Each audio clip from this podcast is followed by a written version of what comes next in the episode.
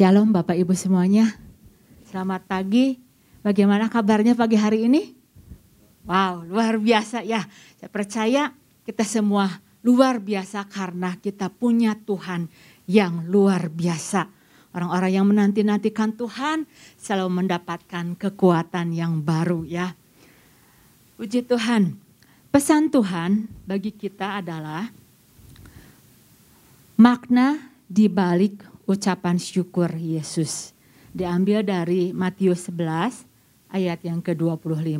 Saya mau membacakannya buat ibu bapak semuanya.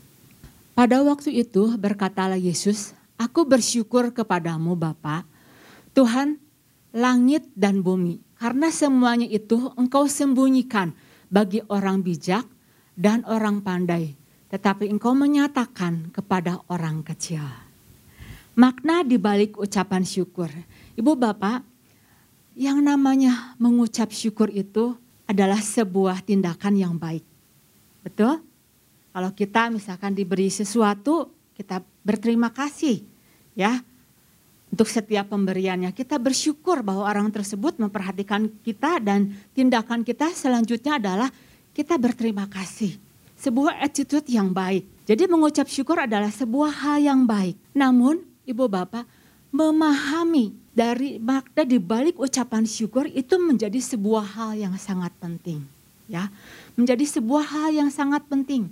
Jadi bukan hanya kita uh, memahami makna dari dari sebuah ucapan syukur saja, tetapi ketika kita punya sebuah pemahaman, contoh gitu ya, tentang sebuah kata, maka akan menjadi sebuah apa? sebuah uh, bukan hanya sebatas kata saja gitu ya Contoh misalkan gini ya, contoh kita tahu ya ada sebuah kata, saya mau kasih contoh misalkan kata bapak gitu ya. Nah ketika seorang hanya tahu gitu ya kata bapak, mungkin yang ada di dalam pandangan dia, oh hanya seorang laki-laki yang bapak gitu ya, yang kerjanya mencari nafkah gitu ya.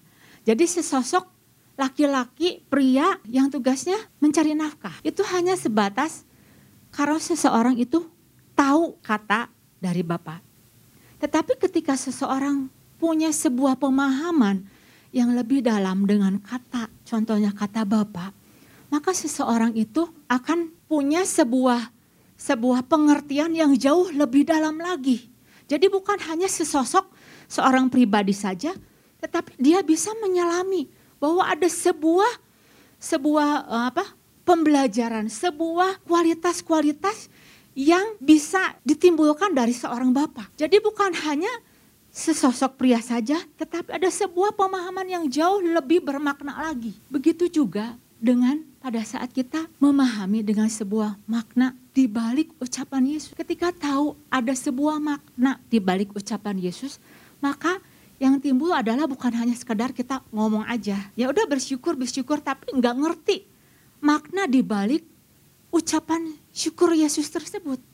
Padahal jauh kalau kita mau lebih mendalami ada sebuah hal-hal yang luar biasa di balik makna ucapan dari Tuhan Yesus Kristus. Nah, pagi hari ini saya teringat gitu ya, ada sebuah ilustrasi, sebuah cerita gitu ya. Bagaimana bagaimana seorang anak gitu ya, ketika dia punya sebuah uh, pemahaman makna dari seorang bapak, maka segala tindakannya, segala sikapnya, segala responnya itu berubah sekali. Nah, ada sebuah cerita, ceritanya gini. Seorang bapak itu punya dua orang anak gitu ya. Dua, dua orang anak perempuan. E, dua orang anak perempuan ini punya tipikal yang berbeda sekali. Anak perempuan yang pertama itu tipikalnya itu selalu komplain dia selalu komplain dengan apa yang dia terima. Jadi perbedaannya seperti langit dan bumi. Tetapi anak yang kedua, ketika dia mendapatkan sesuatu, dia selalu happy. Apa pun yang dia terima dari bapaknya, dia selalu happy. Dia selalu mengucap syukur kepada bapaknya. Nah, lewat kejadian ini si bapak ini satu kali dia ingin mengetes si anak tersebut. Dua-duanya dites. Ya, bapaknya mau berangkat keluar kota dan kemudian tanya sama anaknya, anak, anakku gitu ya. Mau apa? Papa mau pergi keluar kota, mau titip apa? Kemudian anak yang pertama bilang begini, Papa saya pengen sebuah gaun seperti princess gitu yang seperti yang ada di TV gitu ya. Gaunnya itu pengen yang warnanya pink kemudian yang ada renda-rendanya kayak gitu. Oh gitu. Kemudian anak yang kedua ditanya, nak mau apa? Anak yang kedua bilang sama papanya, Pak saya mau mutiara gitu ya. Eh, yang yang ada di kalung-kalung seperti kayak gitu. Oke, katanya. Kemudian selang beberapa waktu papanya berangkat dan akhirnya pulang. Pulang ke rumah dengan membawa dua bingkisan. Wah langsung si anak yang pertama lihat kok bingkisan yang pertama itu besar gitu ya. Ini pasti punya aku nih katanya soalnya kan gaun tuh besar gitu ya. Kemudian bingkisan yang kedua itu sedikit lebih kecil dari uh, bingkisan yang kedua. Wah langsung si anak yang pertama bilang gini, oh pasti papa mah oh kasih kadonya gitu ya, kasih hadiahnya tuh pasti banyak deh mutiaranya kayak gitu, pasti banyak deh mutiaranya. Nah, udah punya curiga sama papahnya gitu ya. Akhirnya, ayo ke sini, yuk buka. Ketika dibuka, ini kado yang paling besar buat anak yang kedua. Sedangkan kado yang lebih kecil ini buat anak yang pertama. Wah langsung anaknya udah mulai curiga. Oh papa mah pilih kasih kayak gitu. Masa sih cuman minta mutiara kadonya kok besar banget gitu dibanding sama yang punya aku. Akhirnya yuk dibuka. Anak yang pertama mulai ngebuka. Ketika dibuka, wah gaun. Betul gaun. Tapi wajahnya itu wajah kecewa. Oh papa, gaunnya sih ya gaun. Tapi pinknya terlalu tua. Kemudian randanya terlalu banyak, bunga-bunganya terlalu banyak. Si ayah rada kecewa juga, rada stres. Kemudian anak yang kedua, si ayah ya udahlah. Anak yang kedua, ayo dibuka. Ketika dibuka, si anak sama anak yang kedua, wah ini pasti ayah banyak sekali uh, apa bingkisannya, mutiaranya pasti banyak sekali.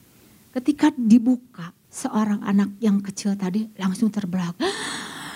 Kaget dengan bingkisan yang besar itu. Tahu apa ibu bapak isinya? Maaf ya, ketika dibuka bingkisannya itu adalah kotoran kuda.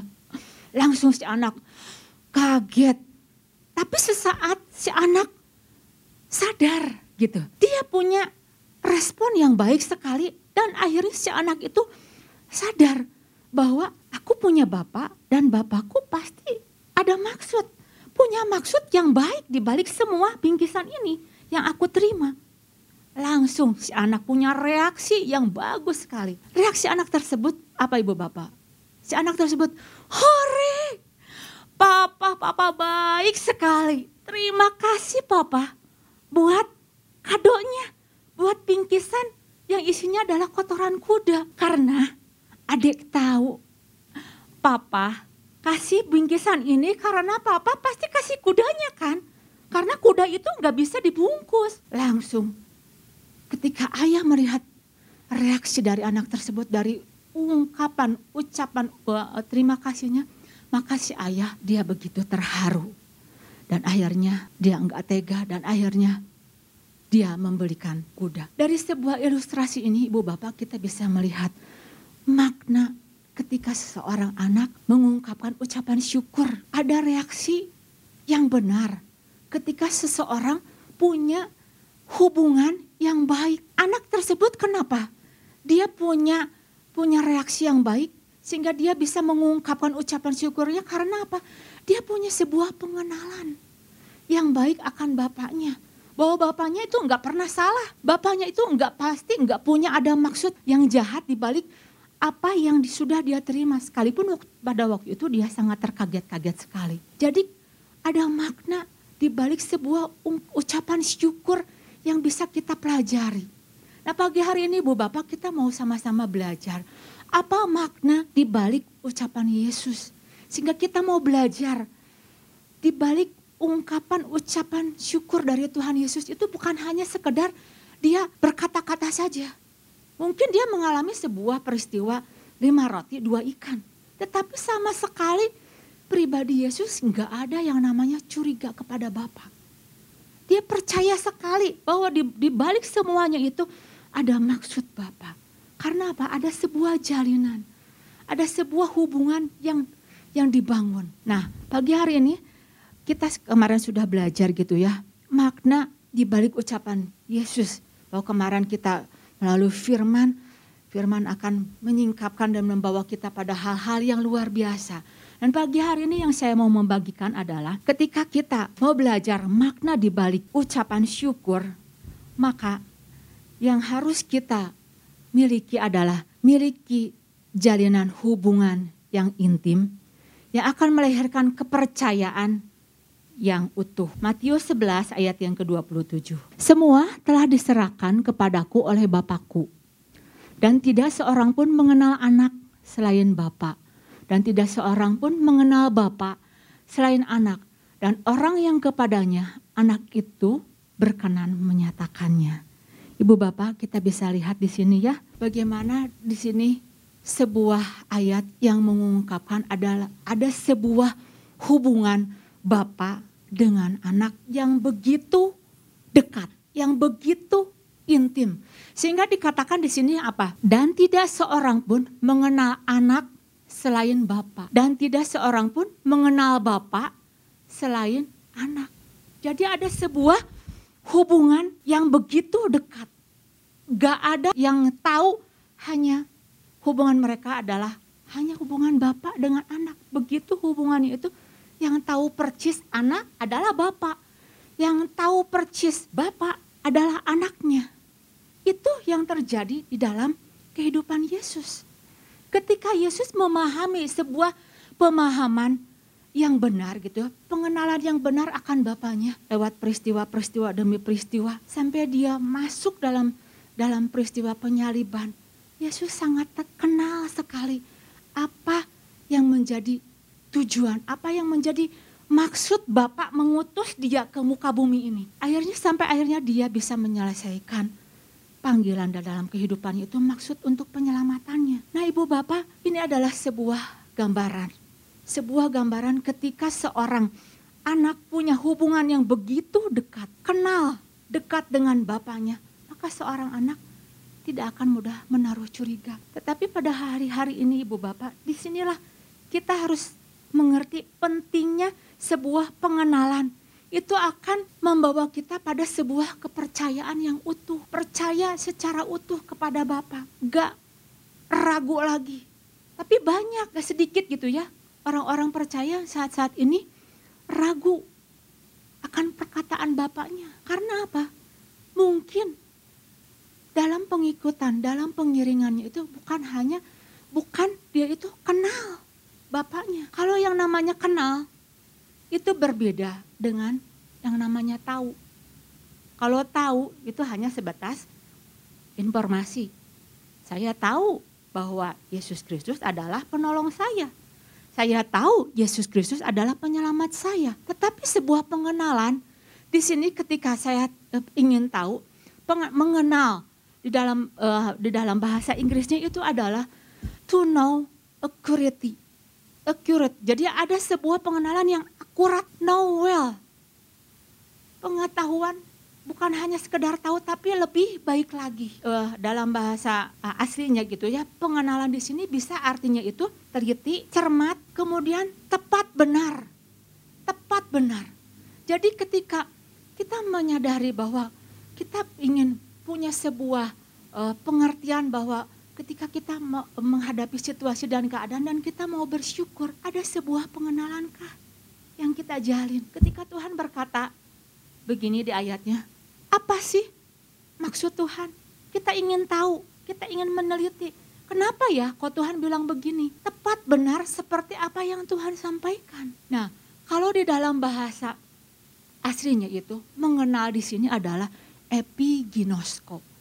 Epiginosko itu bukan hanya bukan hanya kita tahu, bukan hanya kita kenal, tetapi ada sebuah hubungan yang terjalin. Layaknya seperti seorang suami istri. Ada sebuah persetubuhan suami istri yang akhirnya menghasilkan sebuah anak misalkan gitu ya.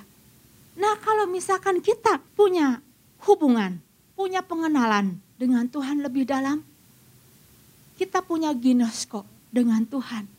Benar gitu ya. kita punya kita berginosko dengan Tuhan, apa yang kita hasilkan? Apakah kekuatan? Apakah kita kita ketika kita menjalin sebuah hubungan kita mendapatkan sebuah pencerahan gitu. Nah, ini yang Tuhan inginkan. Sehingga memudahkan kita itu paham ketika kejadian yang uh, yang kita alami, kita memudah, memudahkan kita untuk kita mengerti, oh saya mengucap syukur karena ada maksud Tuhan di balik. Jadi mengenal dengan tahu dengan tahu itu berbeda jauh. Contoh misalkan gini, saya tahu bahwa Bapak Jokowi adalah Bapak Presiden saya. Tetapi kalau ditanya saya kenal, saya nggak kenal benar. Yang kenal benar adalah istrinya tinggal serumah, satu ranjang dengan istrinya yang sangat tahu kenapa kok Bapak Jokowi ngomongnya begini begitu. Yang sangat tahu kesukaan suaminya. Nah, inilah ibu bapak ketika sebuah pengenalan itu terjalin gitu ya. Timbul sebuah kepercayaan yang utuh, yang penuh. Nggak ada rasa curiga lagi, nggak ada bertanya-tanya lagi. Karena apa? Karena ada sebuah pengenalan, oh Bapakku, Bapak yang baik. Bapak yang selalu punya maksud di balik semuanya itu punya maksud yang yang nggak nggak jahat. Itulah yang Rasul Paulus kejar. Filipi 3. Yang ku kehendaki ialah mengenal dia dan kuasa kebangkitannya dan persekutuan dalam penderitaannya di mana aku menjadi serupa dengan dia dalam kematiannya. Kalau di dalam bahasa Indonesia sehari-harinya dikatakan satu-satunya yang saya inginkan ialah supaya saya mengenal dia dan mengalami kuasa yang menghidupkan. Inilah yang menjadi sebuah kerinduan dari Rasul Paulus. Sebuah pengenalan, sebuah pengenalan akan Tuhan yang terjalin karena sebuah karena sebuah jalinan keakraban. Itulah sebabnya ketika Rasul Paulus menghadapi berbagai ancaman, berbagai situasi apa pun juga, karena dia punya pengenalan akan Tuhan. Dia mudah sekali. Dia bisa melewati berbagai macam tantangan. Berbagai macam apa yang diperhadapkan kepada dia. Karena apa? Dia punya pengenalan. Sehingga dia dengan dengan mudahnya dia leluasa untuk menghadapi apa pun yang, diper, yang diperhadapkan kepada dia. Dia begitu percaya sekali kepada Bapaknya. Menghadapi tantangan, dia percaya bahwa dia tidak pernah berjalan sendirian. Ada tangan Tuhan yang akan selalu menolong, yang membukakan kepada dia jalan keluar. Dia begitu percaya sekali. Nah, tetapi hari-hari ini ibu bapak, yang terjadi apa? Yang terjadi, yang sering terjadi adalah krisis kepercayaan. Bukan hanya krisis ekonomi, tetapi krisis kepercayaan. Anak nggak percaya lagi kepada perkataan bapaknya. Ragu dengan perkataan bapaknya. Nggak percaya. Sehingga sehingga seorang anak itu nggak bisa mengucap syukur. Hatinya menjadi tawar. Hatinya meragukan. Ketika ayahnya mengatakan demikian, dia ragu. Karena apa? Karena sebuah krisis kepercayaan. Dia nggak percaya lagi dengan perkataan ayahnya karena apa? Ada sebuah gambaran dari ayah yang sudah rusak. Kenapa gambaran seorang ayah yang rusak? bisa terjadi karena tidak terjalinnya sebuah hubungan yang dekat. Sehingga situasi keadaan apa pun anak tersebut ketika diperhadapkan masalah aku ragu akan pertolongan dari bapaknya. Aku ragu bagaimana mungkin papa bisa menolong saya. Sehingga anak sulit untuk dia memaknai bahwa saya harus bersyukur. Nah, lewat pesan Tuhan ini ibu bapak, ketika kita sadar gitu ya, kita tahu bahwa kita harus memiliki sebuah pemaknaan di balik di sebuah ucapan syukur. Maka ada sebuah kata berkata gini, kalau enggak kenal maka enggak sayang. Nah, saya rindu lewat pesan Tuhan ini kita sama-sama kita mau belajar untuk memaknai bahwa sebuah ucapan syukur itu bisa terjalin dengan baik pada saat kita kenal Bapak kita. Kita berginosko dengan Bapak kita. Sehingga semua apa pun yang diperhadapkan kepada kita sadar bahwa semuanya itu adalah bukan untuk maksud jahat dari Bapak tetapi adalah untuk semua untuk kebaikan Dari saya rindu kita sama-sama jalin senantiasa hubungan yang lebih dekat lagi, lebih intim lagi, kenali dengan Tuhan lagi. Dengan pengenalan itu kita akan semakin mudah untuk kita bersyukur. Kita bisa mengerti bahwa kalau saya bersyukur ini karena ada alasan-alasan, karena Tuhan mengasihi saya, kalau ataupun karena saya menghadapi ini, karena saya disertai oleh Tuhan dan pertolongannya tidak akan meninggalkan kita. Demikian firman Tuhan kiranya boleh menjadi berkat bagi ibu bapak semuanya. Tuhan Yesus memberkati.